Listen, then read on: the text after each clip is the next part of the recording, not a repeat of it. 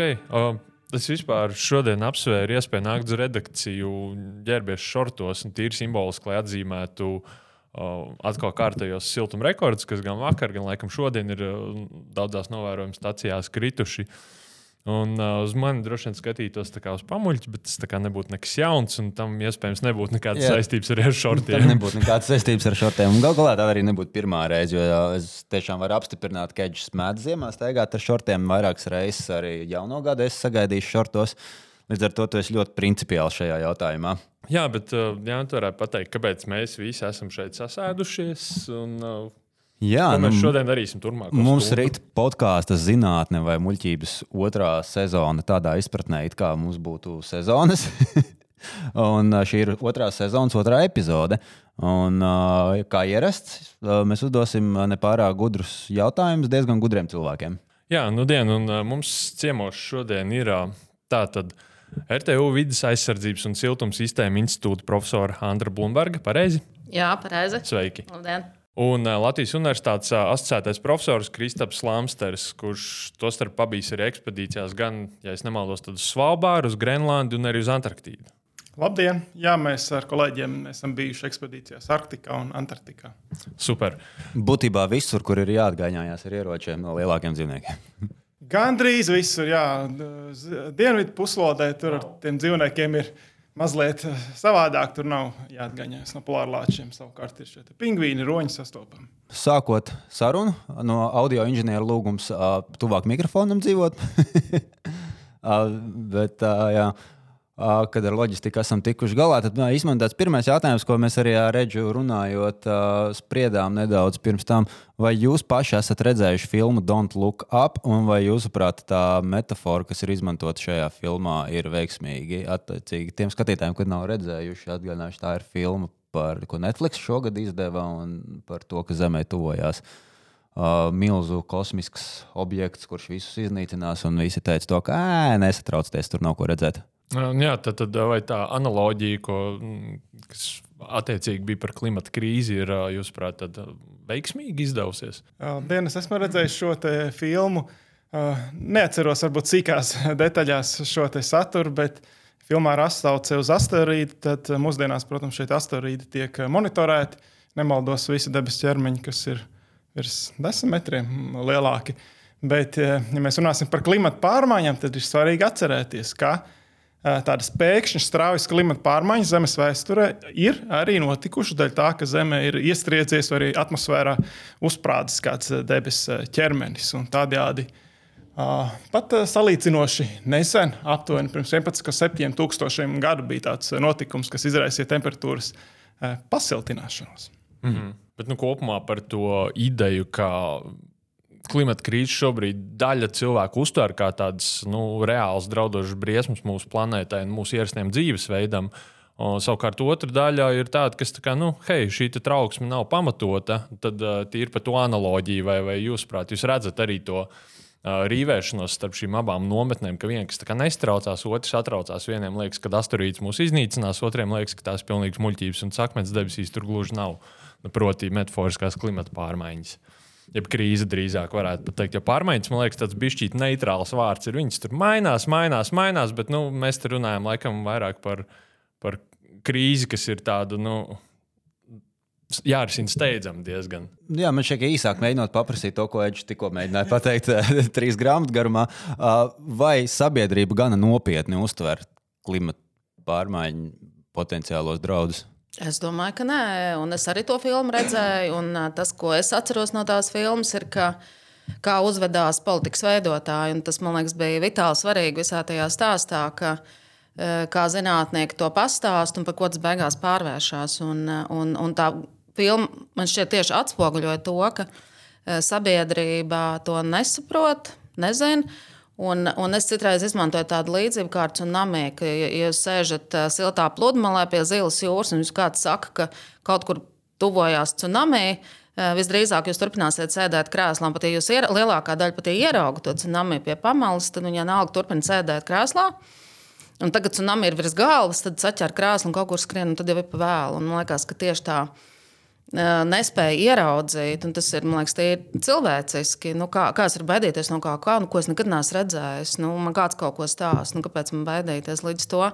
Uh, nu, jā, un, un, un tāpēc es domāju, nu, jo, jo pētījumi rāda, ka lietas pasliktinās un pasliktinās straujāk nekā ir gaidīts. Es īstenībā par to, ka cilvēki nespēja novērtēt tās briesmas, ka tojās tieši nesen redzēju video. Uh, Tsunami kontekstā nesen bija aktualizējušies kaut kādi vecāki video, pie, video dažādi.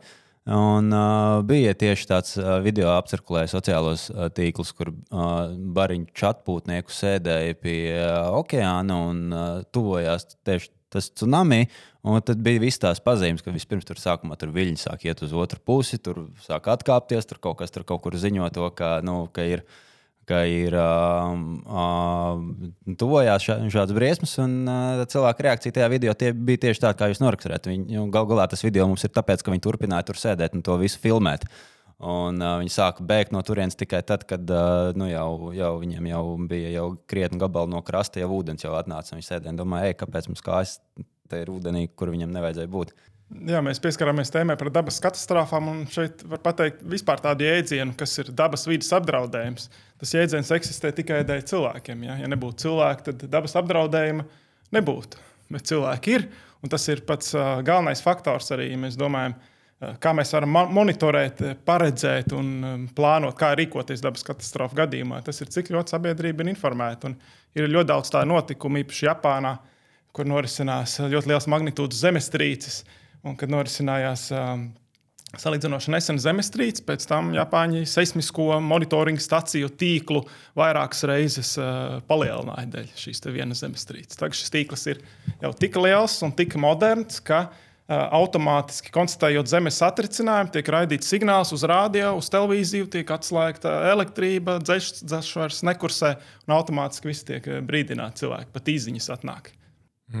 Tas man atgādināja citātu no, no jau labu laiku aizsaulē esošā komiķa Džordža Karlina. Patrikam būs jāuzliek pīkstuļi, bet uh, viņš minēja, ka the planet is fine, the people are. Tā kā, nu, principā, jā, kad. Uh, Mēs jau esam tie, kas ir uh, apdraudēti šobrīd. Jā, nu kaut kāda dzīvā daba, bet. Uh, jā, par dzīvo dabu arī attiecīgi aizmirst. nevajag aizmirst, protams, bet. Uh, nu, tās pārmaiņas jau nevirza droši vien šobrīd tik aktīvi dzīvnieciņi un augi, kā, kā mēs to esam darījuši. Nu, tikai pēdējo... pastarpināti caur cilvēku darbību. Caur cilvēku darbību jā. Nu, lūk, uh, mēs varētu ķerties klāt pie, pie šiem lielajiem jautājumiem, kurus jūs droši vien esat dzirdējuši atkal un atkal. Šie argumenti no, no es nezinu, kā pat nosaukt to cilvēku daļu, klimatu pārmaiņu noliedzēju vai krīzes noliedzēju puses. Uh, Lai sagatavotu šeit, lai, šim, lai sagatavotu šim segmentam, un tas nav joks, goda vārds. Mē, tie, tieši tā arī tas notika. Mēs uh, Reģu pavadījām uh, kad laiciņu uh, trīs Twitter profilos, kas ir mūsu saimnes un politikas uh, veidotāji vadošās partijās. Tur ir kāds uh, Uh, Premjerministra amata kandidāts uh, tur ir bijis, jā, tur ir kāds uh, aktīvs aizvien politiķis no šķietam koalīcijas partijas, nu, kā var spriest. Un, uh, un tā, un tad mēs skatījāmies, ko viņi saka par klimatu pārmaiņām, kuras, starp citu, viņi arī raksta pēdiņās. Um, līdz ar to tad, uh, es nezinu, Reģi, ar ko sākam, kur no visām atziņām. Jā, nu, pirms nu, jau pirms trim gadiem, šķiet, man viens no tādiem favorītu tvītiem bija arguments, ko es esmu dzirdējis ne tikai no politikas veidotājiem, bet arī to var dzirdēt no draugiem, no, no tava tēvoča dzimšanas dienas balītē un tā tālāk. Jo paskaties, ārā ir teiksim, pavasaris, maijs un, un ir kaut kāds slapjš sniegs uzkrits. Nu, tad, kur tad ir tās klimata pārmaiņas? Paskatieties, ārā ir augsts un man te jāka bija jāvelk, un ir taču maijs. Nu, tad... Jā, bet no otras puses tieši tur jau ir klimata pārmaiņas, ka mums ir bijis tāds salīdzinoši ieturēts klimats, pie kura mēs esam pieraduši. Un tad pēkšņi notiek kaut kādi sausuma periodi, sāls, ekstremāli karstumi, viesuļvētras. Tieši tās ir klimata pārmaiņu sekas, kuras mēs arī visvairāk izjūtam mūsdienās, arvien vairāk. Jā, parasti to, to reducēt parasto līdz globālajai sasilšanai. Jā, jo es tieši šobrīd skatos uz šo tvītu. Protams, vārdā neminēsim politiķi, lai mums šeit nebūtu jā, problēmas. Un, jā, tas ir šādi. kāpēc sniegotā maijā, maijā vidū nevar lasīt Twitter lietotāju ierakstu par to, ka ir jāaptur globālo sasilšanu. Nu, man ir vēl tāds komentārs par, par klimatu, jo klimats, kā klimata izmaiņas netiek skatītas diennakts, mēneša vai nedēļas griezumā, bet iet runa par ilgtermiņa klimata izmaiņām. Un, Un to bieži vien jauc, ka klimats, ka, ka parasti cilvēks, kā jūs teicāt, mājās sniegs, ja, kas, kas ir īstermiņa notikums, kas varbūt ir kaut kāds notikums, kas saistīts ar lielām klimata pārmaiņām. Bet man liekas, ka ir būtiski pateikt, ka zinātnieku interpretācijā klimats ir ilgtermiņa, ilgtermiņa jautājums. Un man ir vēl viens komentārs par ierakstiem Twitterī. Ir parādījies vienā no Amerikas universitātēm, viens no profesoriem ir izveidojis jaunu nosaukumu, saucās Inactivism, jeb es nezinu, kā to pat latviskot. Uh, Eh, tā kā, kā aktivitāte, kuras nav. Eh, un, un tā ideja ir tāda, ka ir pēdējā laikā vērojama ļoti plaši izplatīta tendence, ka tā kā saka, nu, zinātnieki pierāda, ka klimata pārmaiņas notiek un ir pretinieki, kuriem ir interesi neko nemainīt. Tad viņi it kā, it kā piekrīt klimata pārmaiņai, bet tā pašā laikā viņi saka, bet. Un tad, piemēram, tāds klasisks piemērs, kurš saka, Bet eh, tā ir elites nodarbošanās. Tas ir jautājums, ar ko elite sevi izklaidē.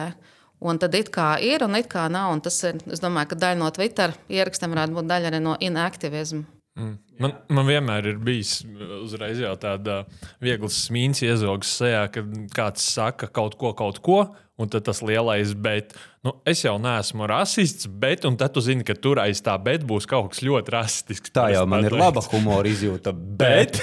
un tad apvainojies par visparastāko joku. Tā jau es esmu gudrs. Bet, bet jo šim pašam deputātam arī ir tas, ko jūs minējāt, ir jāskatās ilgtermiņā. Ja? Un, uh, viņš arī runāja par ilgtermiņu jautājumu. Ja? Uh, viņš ir rakstījis tvīts. Klimats visu laiku ir mainījies. Ja nebūtu, tad iespējams uz Zemes joprojām dzīvotu dinozauri. Iemesli, kāpēc mainās klimats, ir daudzi. Mums trūkst objektīvi dati par klimata pārmaiņām, piemēram, starp uh, 3,5 un 3,6 miljardiem zemes gadu. Grūti pateikt, kādēļ tieši tāds skaitlis minēts, bet faktiski pirms trīs miljoniem gadu bija tuvākais periods, kad uh, temperatūra bija tāda, kāda tā faktiski būs šī gadsimta laikā. Un tālāk šie pēdējie 2,6 miljoni gadi, ja mēs no ģeoloģiskā skatu punkta runājam, tas ir kvartāla periods. Uh, iespējams, ka klimats jau ir kļuvis vai gadsimta beigās kļūst siltāks, kāds tas ir bijis visā šajā laika periodā, kas mums raksturojas kopumā ar globālu atzīšanu, ledus laikmetu, starp ledus laikmetu mīju. Nu, principā tās uh, lietas, kas agrāk dažādu faktori ietekmē. Tur droši vien ir kaut kāds vulkānisms aktīvāks kādu periodu vai kaut kas tamlīdzīgs mainās, bet mēs to esam spējuši saspiest ar cilvēku darbību principā tādā ļoti īsā laikā, vai ne? To, to izmaiņas uzraut. Mūsdienās arī jāsaprot, ka zinātnieki var ļoti detalizēti nošķirt to klimata pārmaiņu efektu, ko rada vulkānisms.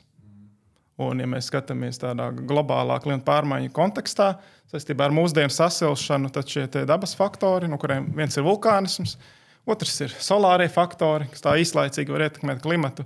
Uh, tie veido dabisko fonu, kurš faktiski mainās pavisam nedaudz. Visas pārējās izmaiņas mm, varam pilnīgi droši apgalvot, ka tas jau ir cilvēka antropēnās ietekmes rezultāts.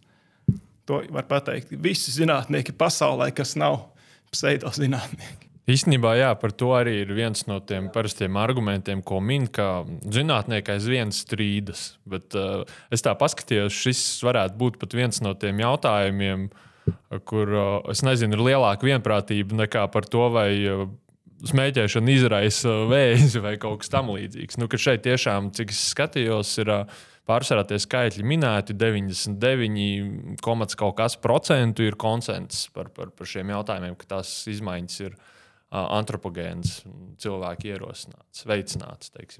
Tieši tā. Es personīgi neesmu pamanījis, ka zinātnieki šādā globālā jautājumā strīdās, bet ir, protams, ļoti daudz nianšu, ļoti daudz problēmu ar globāliem klimata modeļiem.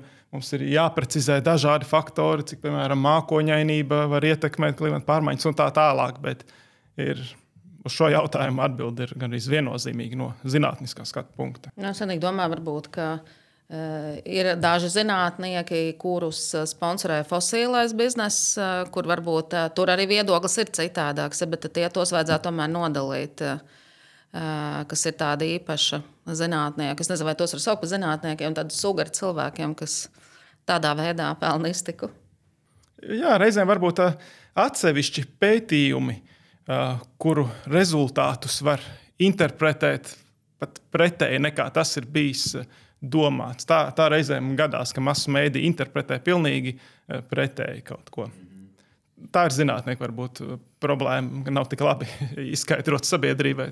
Ja runājām par tādiem atsevišķiem pētījumiem, kur var interpretēt dažādi, es precīzi nepateikšu, bet tie šķiet bija vai nu 70. vai kuri gadi, kad kaut kāds, kaut kāds pētījums bija pat teicis, ka Zemē faktiski atzisīs tuvākajā laikā. Tā ir daudz lietas, bija... kas mums ir jānošķir, jo, ja mēs skatāmies ilgtermiņā un ilgtermiņā klimata un vidas pārmaiņas lielākoties ierosina orbitālie cikli, kas saistīti ar Zemes asas svārstībām un Zemes orbītas formu, tad eh, jā, mēs dzīvojam starp ledus laikmetā joprojām un ir gaidāms nākamais ledus laikmets, bet cilvēka ietekme ir tik ļoti liela. Tātad oskābās gāzes izmeši tādi nav bijuši šajā lielajā ledus laikmetā, kurā mēs dzīvojam gandrīz pēdējos trīs uh, miljonus uh, gadu. Un visticamāk, ka nākamais ledus laikmets uh, Diemžēl vai par laimi, kā to skatās, jo ledus laikmets ir vēl lielāka varbūt, problēma nekā sasilšana.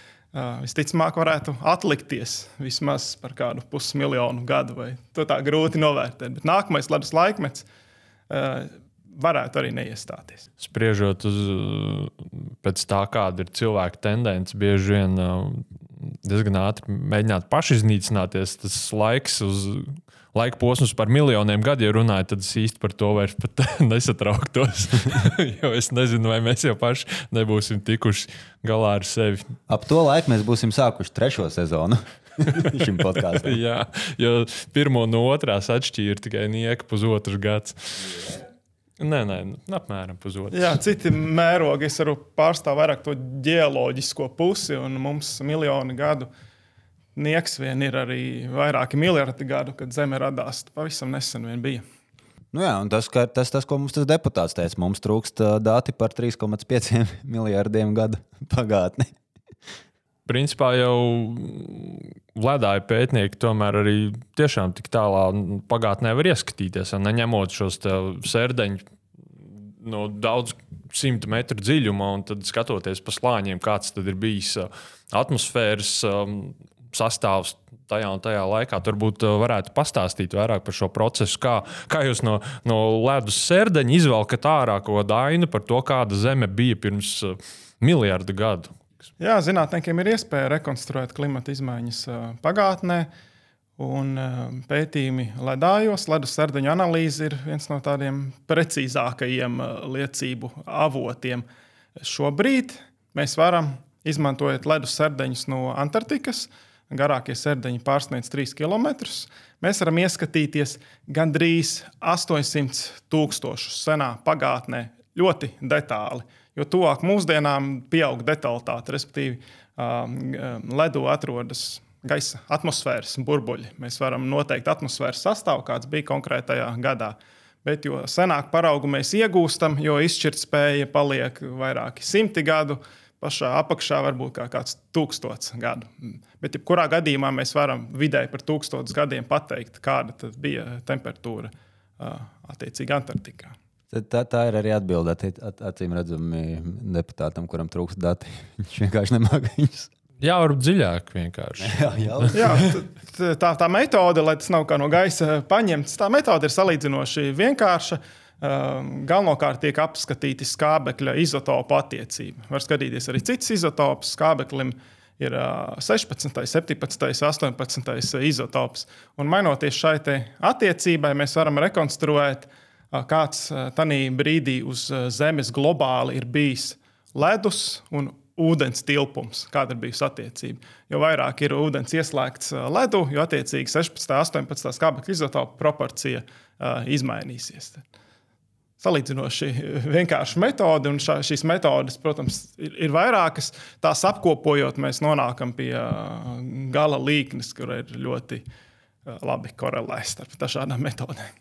Un tad uh, varbūt savēlkot uh, šo vienā tādā, nezinu, tēzē. Ko jūs atbildētu tiem, kas saka, ka klimats vienmēr ir mainījies, un jūs pats arī apstiprinājāt, ka ir bijušas cikliskas izmaiņas, ledā ir droši vien atkāpušies un radušies no, no atkal pieauguši. Ko jūs teiktu tiem, kas mūsdienās esošo klimatu krīzi mēģina kā, atspēkot, noraidīt ar argumentu, jā, bet klimats vienmēr ir mainījies? Um, Tātad jums ir taisnība, ka klimats vienmēr mainās, tāda ir tāda daba. Uh, bet uz šo jautājumu tā vienkāršot, gan es nevaru atbildēt. Ir nedaudz uh, atbildē jāizvērš.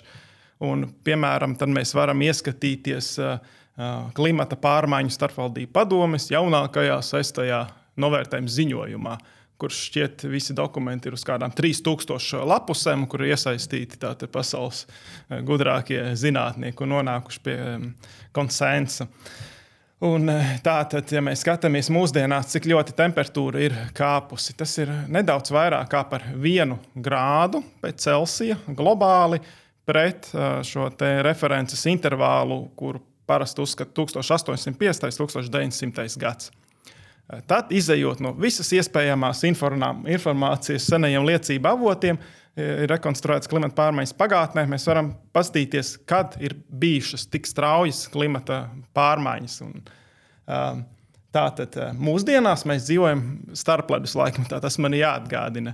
Un, agrāk uzskatīja, ka šim starpledus laikmetam ir bijis klimatisks optimums, ka temperatūra bija nedaudz siltāka nekā mūsdienās. Pirms aptuveni 7000 gadu to laiku tēlaini sauc par Atlantisko laiku. Tagad jau izrādās, ka vismaz šajā pēdējā dekādē temperatūra noteikti ir kļuvusi jau siltāka. Tad mēs varam paskatīties vēl tālāk pagātnē. Iepriekšējais starpledus laikmets, kad bija tas ir pirms 125,000 gadu. Šajā starpledus laikmetā temperatūra bija 0,5 grādi vai 1,5 grādi siltāka nekā manis minētā referents periodā. Precīzi mēs nezinām.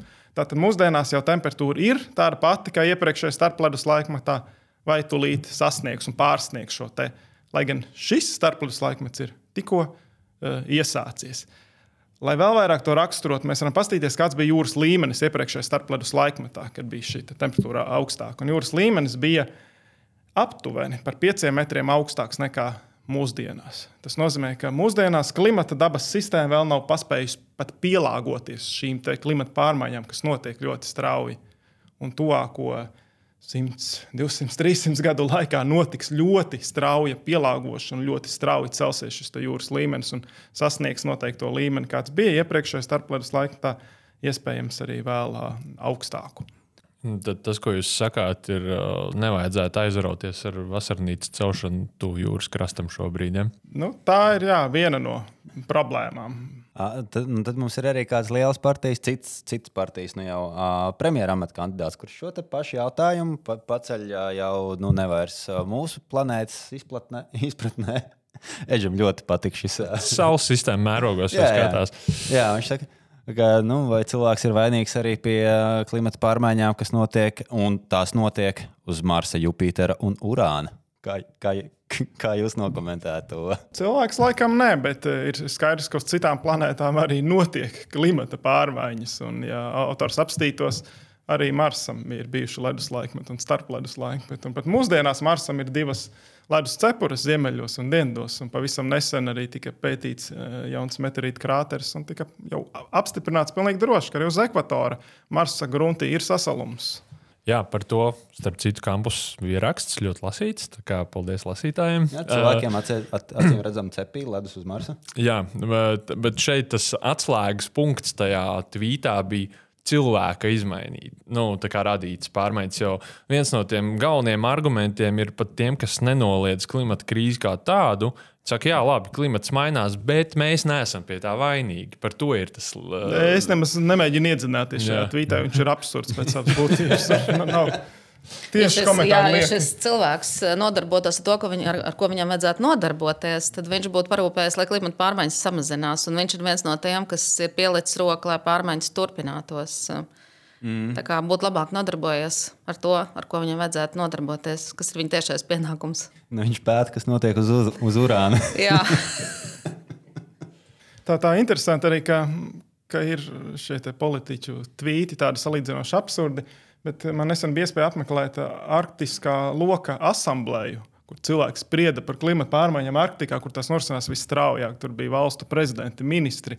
Un es patiesībā biju ļoti pārsteigts, ka šie Arktikas valstu prezidenti, protams, Islandes prezidents iepriekšējais pāri visam, uh, cik ļoti viņi ir izglītoti šajos klimata jautājumos, jo tas viņus, protams, skar daudz lielākā mērā nekā mūsu. Nu, tāpat kā Maurīcijas prezidents, jo tā būs pirmā sala, kas nogrims, un līdz to viņi ir vislabāk informēti un vissīvāk cīnās pret klimata pārmaiņām. Bet, nu, ko tas maina? Jo Vainīgie ir pavisam citā vietā. Nu jā, pabrauc pāris valsts tālāk, un tur sēž cilvēki, kuri raksta, kas notiek uz urāna. Jā, tieši tā. Mēs varētu vairāk parunāt tiešām par šīm vietām, kur, kur, kur tās pārmaiņas ir redzamas visstraujāk. Un, un Kristap, tu esi bijis vairākās no tām. Tu varētu pateikt, ko tu esi ar savām acīm tad, uh, redzējis un manījis, un kā šīs klimata krīze manifestējas Svalbārā, vai, vai Grenlandē, vai Antarktīdā. Jā, protams, klimata pārmaiņas uh, polārajās apgabalos norisinās daudz straujāk, kādas trīs, vismaz reizes straujāk nekā pārējā pasaulē. Uh, Kāpēc tā ir? Varētu uzdot jautājumu. Bet ir salīdzinoši vienkārši. To sauc par šo pozitīvo atgriezenisko saiti, lai gan tā nemaz nav pozitīva. Respektīvi, Arktikā mums taču ir ļoti liels platības, ko klāja ledāji, ko klāja sniegs, kas faktiski atstaro apakaļ lielāko daļu saņemtās saules radiācijas. Un, ja mums šie ledāji atkāpjas, sniega sega paliek um, plānāka, mazāk ilgu periodu eksistē, tad, protams, šī zeme sāk sasilt vai, vairāk kārtīgi. Um, mēs esam arī veikuši pētījumus uz ledājiem, par pašu ledāju dinamiku un netieši arī par to, kā ledāji mainās klimata pārmaiņu rezultātā. Un uh, mūsdienās droši var apgalvot, ka lielākā daļa, arī 99% ledāju malas atkāpjas, to biezums uh, samazinās. Uh, interesanti gan, ka uz šī fona ir ledāji, kas uzvirzās klimata noliedzējiem noliedzēja var sist plaukstas, bet tie ir tā, tā saucamie pulsējošie ledāji, kuri ļoti strauji uzvirzās citu faktoru rezultātā, kas nav saistīts tik ļoti ar klimatu pārmaiņām. Bet jā, ledā atkāpjas. Mēs esam mērījuši ledāju virsmas izmaiņas Grenlandē, Svalbārā. Tur ledāja virsma, piemēram, samazinās par kādu metru līdz diviem katru gadu. Ledus māla atkāpjas vairāki desmiti metru, vai Islandē pat 100, 200 metrus gada laikā. Tās pārmaiņas ir ļoti straujas. Arī uzkāpjot uz ledāja, tu jau redzi, kā ledājs kūst. Tas nokūst par 5, 10 centimetriem pat reizēm karstākā vasaras dienā.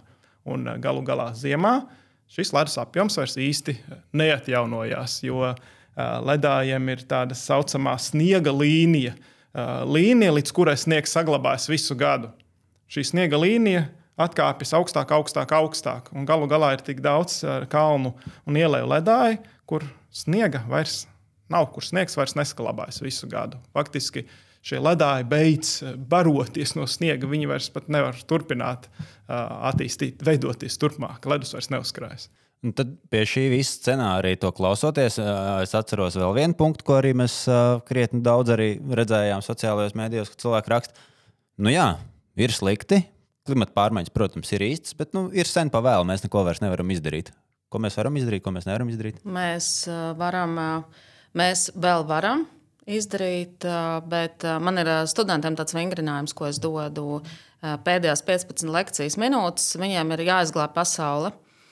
Un, uh, viņiem ir jā, jāaptur klimata pārmaiņas. Un, Kura um, kursa studenti? Uh, tie ir uh, bakalaura kursa studenti. Tie ir tādi vispārīgie kursi, kas visai universitātei, jebkuram inženierim, kas absolvē Rīgas Tehnisko universitāti, šis kurs ir jānoklausās. Un, uh, es jums stāstu par vidas politiku, par to, kāpēc lietas neiet, kāpēc cilvēki nevar vienoties, ir savi iemesli. Un tad es saku, nu labi, un tagad ir tās 15 liktenīgās minūtes, jums ir iespēja Un es viņiem iedodu uh, rīku, modelēšanas rīku, kas ir uh, brīvpieejams internetā, kas ir veidots Massachusetts Tehnoloģija institūtā, kas ir uh, labākā inženieru augstskola pasaulē. Rīks, kas ir veidots 50 gadu garumā, uh, kur ir iekšā visas uh, sakarības, visas atgriezeniskās, pozitīvās, negatīvās saites. Un uh, tā galvenā lapa ir viena lapa, kur ir attēlots grafiski temperatūras pieaugums līdz 2100. gadam. Uh, un ir uh, parādīts uh, energoresursu sadalījums starp dažādiem fosiliem, atjaunojumiem, atomenerģiju un tā tālāk.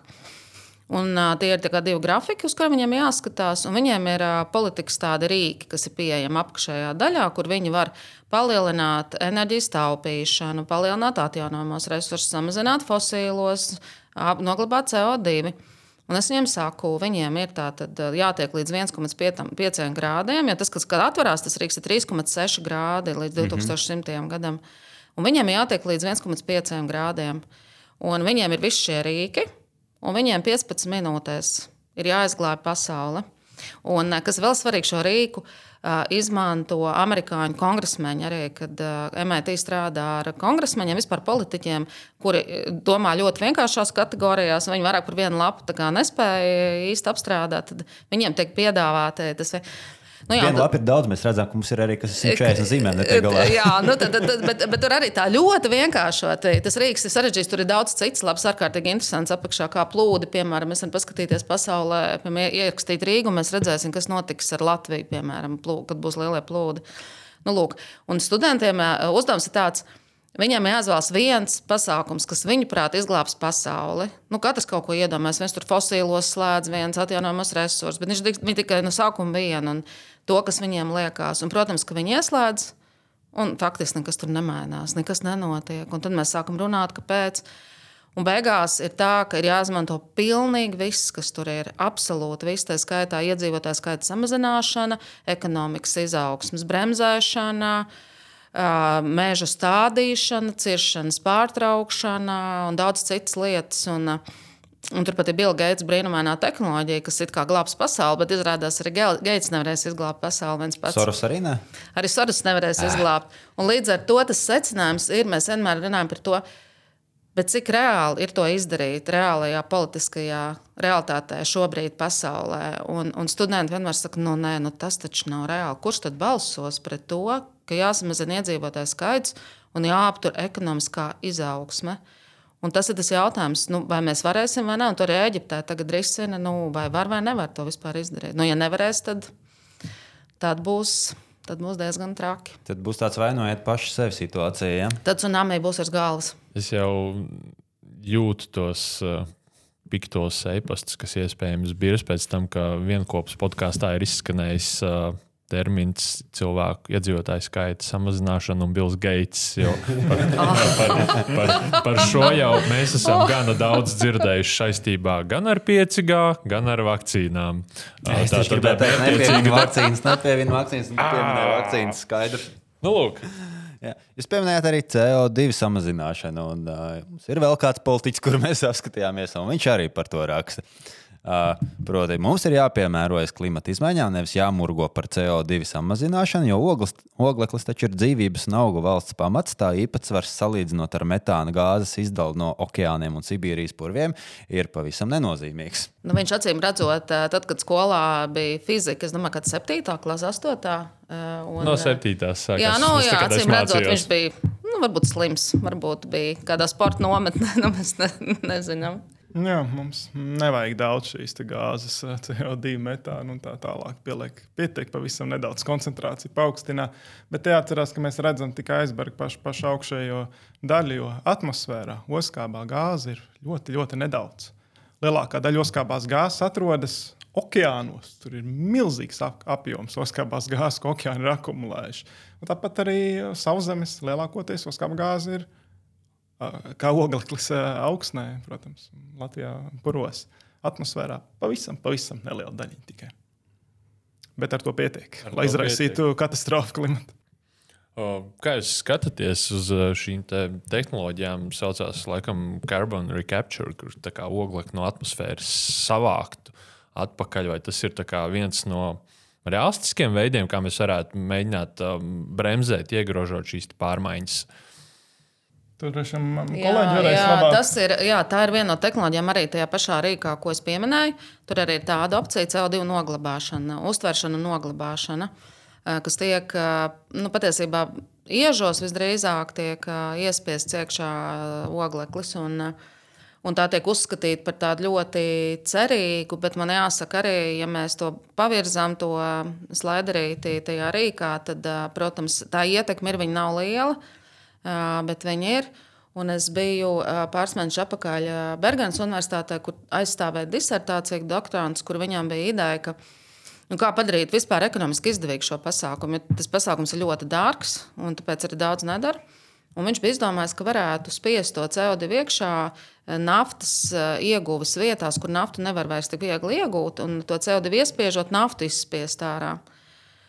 Vai tas padarītu ekonomiski izdevīgi? Nu, tad caur to naftas pārdošanu to finansēt. Nu, man pirmā tā vispār bija tas jautājums, ka, kāda ir loģika vispār iegūt fosīlo šādā veidā, ka tas ir pilnīgi pretruna. Bet labā ziņa ir tā, ka ekonomiski tas ir neizdevīgi līdz to. Tas nenotiks. nenotiks. Es vienkārši iztēlojos arī uzreiz visas vaļas konspirāciju teorijām, kas varētu no tā nākt ārā. Jo tagad jau, jau viņas jau ir ārkārtīgi daudz, un mēs arī redzējām tajos pašos tvītos, kur šie paši politiķi arī ļoti populāri lieta ir teikt, to, ka tas ir šausmīgi liels bizness.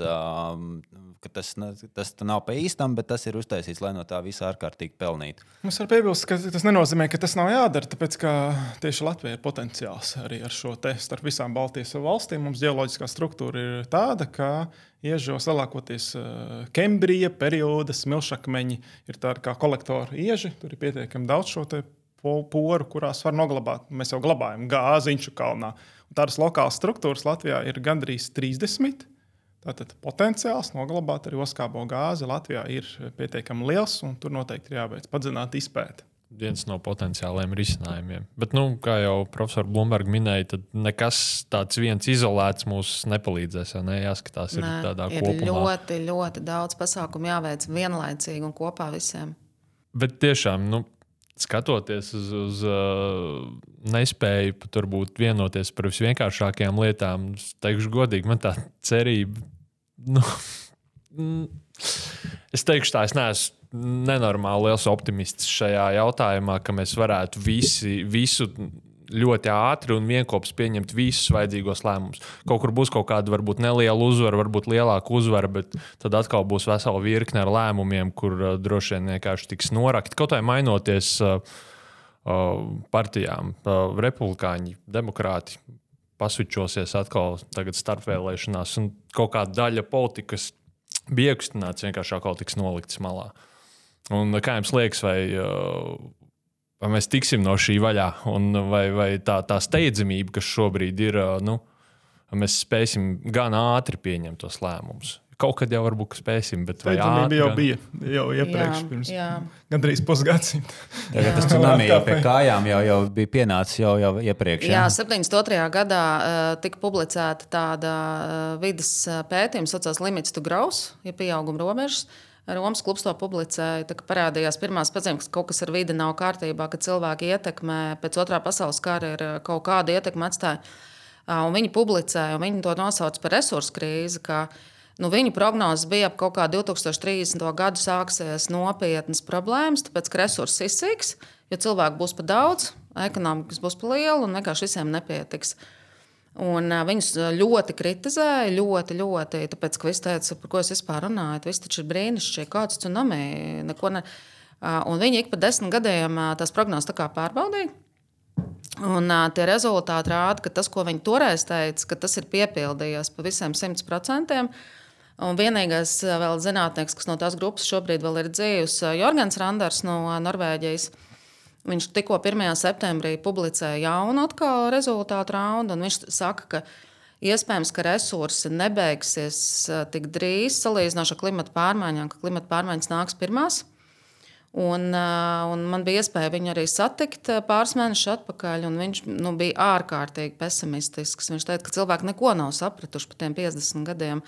Jo, jo tas iemesls ir tas, ka nevar to redzēt. Nu, tas ir tas, ko es teicu. Ja, Un, un vēl joprojām jau nav skaidrs, nu, kas tad būs, kad būs tās klimata izmaiņas. Nu, labi, ūdens līmenis pacelsies, nu, labi, adaptēsimies, uzbūvēsim. Tā kā Venecijā mums taču ir Venecijas pieredze. Nu, Viņš pacelsim mājas uz augšu. Nu, nu, labi, tur kaut kas izdegs. Nu, mēs pārvietosimies uz vietām, kur neizdegs. Bet es šī gada augustā mm, iegādājos žurnālu Scientific American, kur, ir, nu, kur vienkārši tā valodā stāsta pētījums. Tur bija Zviedru uh, nogul, nogulumu pēt, pēt, nu, pētījumu, kur viņi pēta visādas nogulas un skatās, kas ir noticis. Varbūt varbūt Kristaps vairāk zina, bet viņi bija Austrālijā atraduši tādu atsaktu klinti, kur ir milzīgs slānis ar melnām nogulām. Viņi sākuši pētīt, kas tas ir. Nu, viņa tas secinājums, vismaz tas, kas tur bija rakstīts, ka, ka ir bijis uh, Zemes vēsturē notikums, kad ir bijis milzīgs vulkāna izvirdums, kas ir uh, intensitātes ziņā līdzvērtīgs CO2 izmešiem tagad un ātruma ziņā, kas notiek tagad. Un tas ir novedis pie tā, ka ir globālā sasilšana ļoti ātri pieaugusi. Uh, Un, kas, ko tas nozīmē? Ka, ka zeme sasilst, ka ūdens iztvaiko, zivis nevar adaptēties tik strauji, viņas izmirst, dzīvniekiem nav ko ēst, augi arī karstumā nespēja adaptēties, aļas visu pārņem un viņi to nosauc par toksisko slaimu. Ka, ka planēta principā pārvēršas par vienu toksiskā slaima vidi, un trīs miljonu gadu laikā tas viss atkal atgriežas tur, kur bija pirms tam. Tā kā, nu, tā, tās prognozes ir dažādas. Tā vismaz es pirmo reizi redzēju tādu vizualizāciju, kas viena no hipotēzēm, kā tas varētu izskatīties. Tas tsunami, kad ir nu, pavisam traki. Tā Bet tā, protams, ir Zviedru versija par to, kā tas varētu notikt. Būs jāapskatās, jo man arī tas žurnāls ir, bet es neesmu konkrēto publikāciju apskatījies. Tad izglītošu sevi šajā jautājumā. Jā, šajā sakarā mums ir jāatcerās, ka ir šīs ļoti straujas klimata pārmaiņas, kas norisinās cilvēka ietekmes rezultātā mūsdienās, bet nevajag aizmirst par visdažādākajām dabas katastrofām, kas to visu var pavērst. Vēl sliktāk vienā mirklī. Nē, nu jā, un Einsteinam ir teiciens, ka e, četrus gadus pēc tam, kad pazudīs bites, e, pazudīs arī cilvēki. Tā kā e, bites ir kā, kā, nu, kā rādītājs tam, kas, ka katastrofa ir pavisam tuvu. Nu, tas tāds ļoti dramatisks un, mm. un, un drūms tāds skats, bet, jā, bet tā šobrīd izskatās. Man ir vēl tā, tāds jautājums, kas droši vien arī ir daļai cilvēku, kas nav padziļināti, varbūt interesējušies par, par šo klimata zinātni. Um, kāpēc tieši tas pusotrs grāds? Nu, kāpēc tas ir noteikts kā šis mērķis, zem kura mums ir uh, jāmēģina palīst apakšā šajā sasilšanā? Kāpēc ne 1,7 vai, vai 1,3 grādi? Uh, Kāds tam ir pamatojums?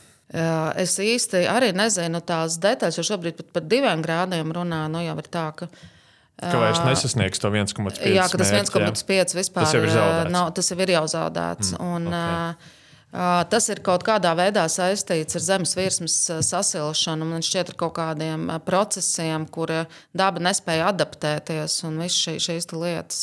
Šis skaitlis, jā, viņš, viņš ir pamatots zinātniski, bet uh, Uh, protams, mēs nevaram pateikt ar konkrētu robežu. Un, ja mēs par ledājiem runājam, ledājiem ļoti ietekme, liela ietekme šajā saistībā ir to, ka mēs varam pieņemt, ka temperatūrai paaugstināties kaut kādā brīdī tiks sasniegts tāds nestabilitātes slieksnis, ka ledājs sāks ļoti strauji kust. Mūsdienās tas vēl nav tik strauji, cik tas varētu būt. Šeit mēs runājam par lielajiem ledus vairogiem, Grenlandes ledus vairogs un Antarktikas ledus vairogi.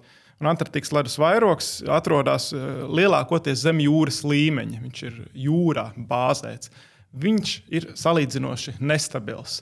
Un, ja tiek izraisīta nestabilitāte, tad zinātnieki uztrauc, ka sašķelsies, sabruks šelfa ledāji, tālāk eh, ieplūdīs šīs ledus straumes okeānā ar lielāku ātrumu, un šis ledus vairogs Rietumantarktikā sāks ļoti strauji kust šīs klimata pārmaiņas, pastiprinot uh, vairāk kārtīgi. Un mēs zinām, ka iepriekšējā starppludus laikmetā iespējams šis rietumu-antarktikas ledus vairogs ir nokusis. Tas ir atbildīgs par kādiem diviem pusmetriem jūras līmeņa uh, kāpumu. Tātad mēs baidāmies, ka tiks sasniegts tāds slieksnis, ka notiks ļoti strauja uh, ledāja kušana. Mēs runājam par to, un tikmēr un man ir pat tvītam katrai dzīves situācijai, ja no pašmāju politiķiem, un uh, nolasīšu vēl vienu.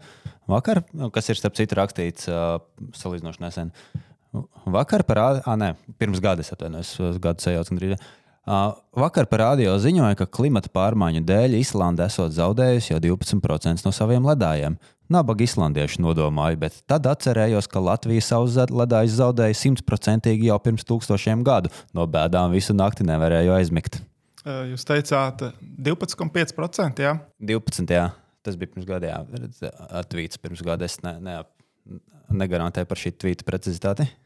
Arī šādi tvīta autori ir aizmirsuši sekojošu lietu ka ledāji Eiropā, Skandināvijas kalnos, Alpu kalnos ir bijuši jau izzuduši uh, pirms kādiem pieciem tūkstošiem gadu.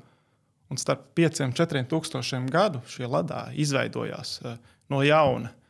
Ja, tas nozīmē, ka pirms sešiem, septiņiem tūkstošiem gadu klimats jau ir, ir bijis tikpat silts, pat nedaudz vēsāks kā mūsdienās, bet tad jau visi šie Eiropas ledāji bija nokusuši tā ir tā neizbēgama atkal nākotne, kas atkārtosies. Tuvojoties podkāstu noslēgumam, varbūt kaut kāda vēl īsā tāda reference par to, kāda ir jūsu prognoze, kur mēs atradīsimies vēl savas dzīves laikā, vai jūs redzat kaut kādus lielus.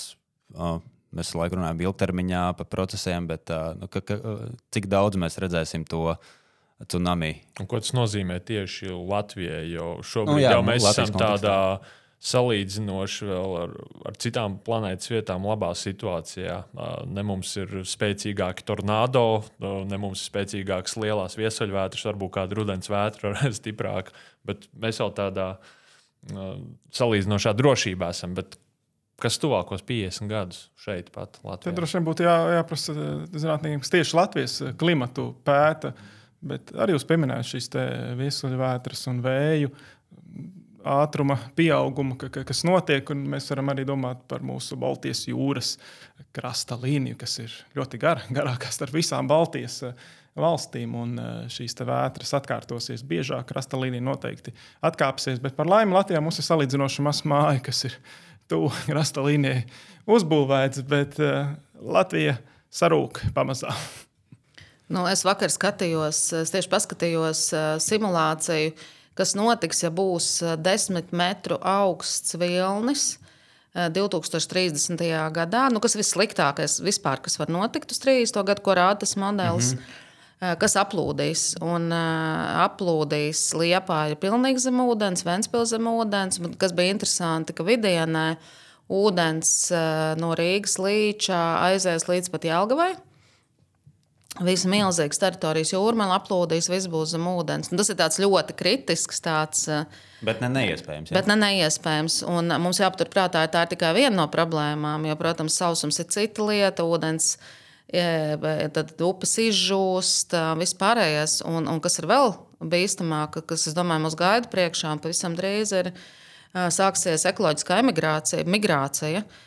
kur pie mums ieradīsies cilvēki no reģioniem, kur patiešām 50 grādu karstumā nav iespējams dzīvot. Un, un viņi būs šeit klāt, jo viņiem arī gribēsies kādu vēsumu un, un kādu mierīgāku vietu. Un, Tas ir viss, kas ir saistīts ar visām šīm lietām. Ja? Atcerieties, ka mūsu, mūsu zeme ir mazapdzīvota salīdzinot ar tiem pūļiem, kas, kas at, atnāks pie mums. Es varu jā, tikai apstiprināt, ka tas ir vienmēr pirmais, kas arī man ienāk galvā. Tie ir faktiski klimata bēgļi, milzīga migrācija. Ar to saistītās problēmas. Kas ir visnotaļ uh, ironiski, ņemot vērā to, ka lieli šie uh, klimata pretinieki, uh, pretinieki klimata pārmaiņu noliedzēji, sauksim to tā, uh, bieži vien pārstāv partijas, kas ir stipri pret migrāciju un imigrāciju. Jā, no, iestājas. Jā, vairums no mūsu šodienas tvītiem bija tieši šie cilvēki.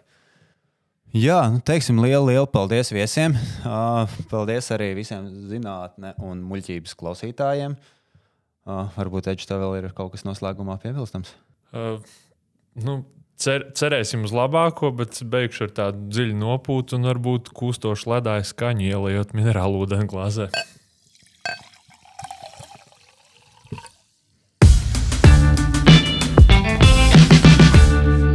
Podkāsts Zinātnē vai muļķības ir tapis ar Mēdīju atbalsta fonda līdzfinansējumu.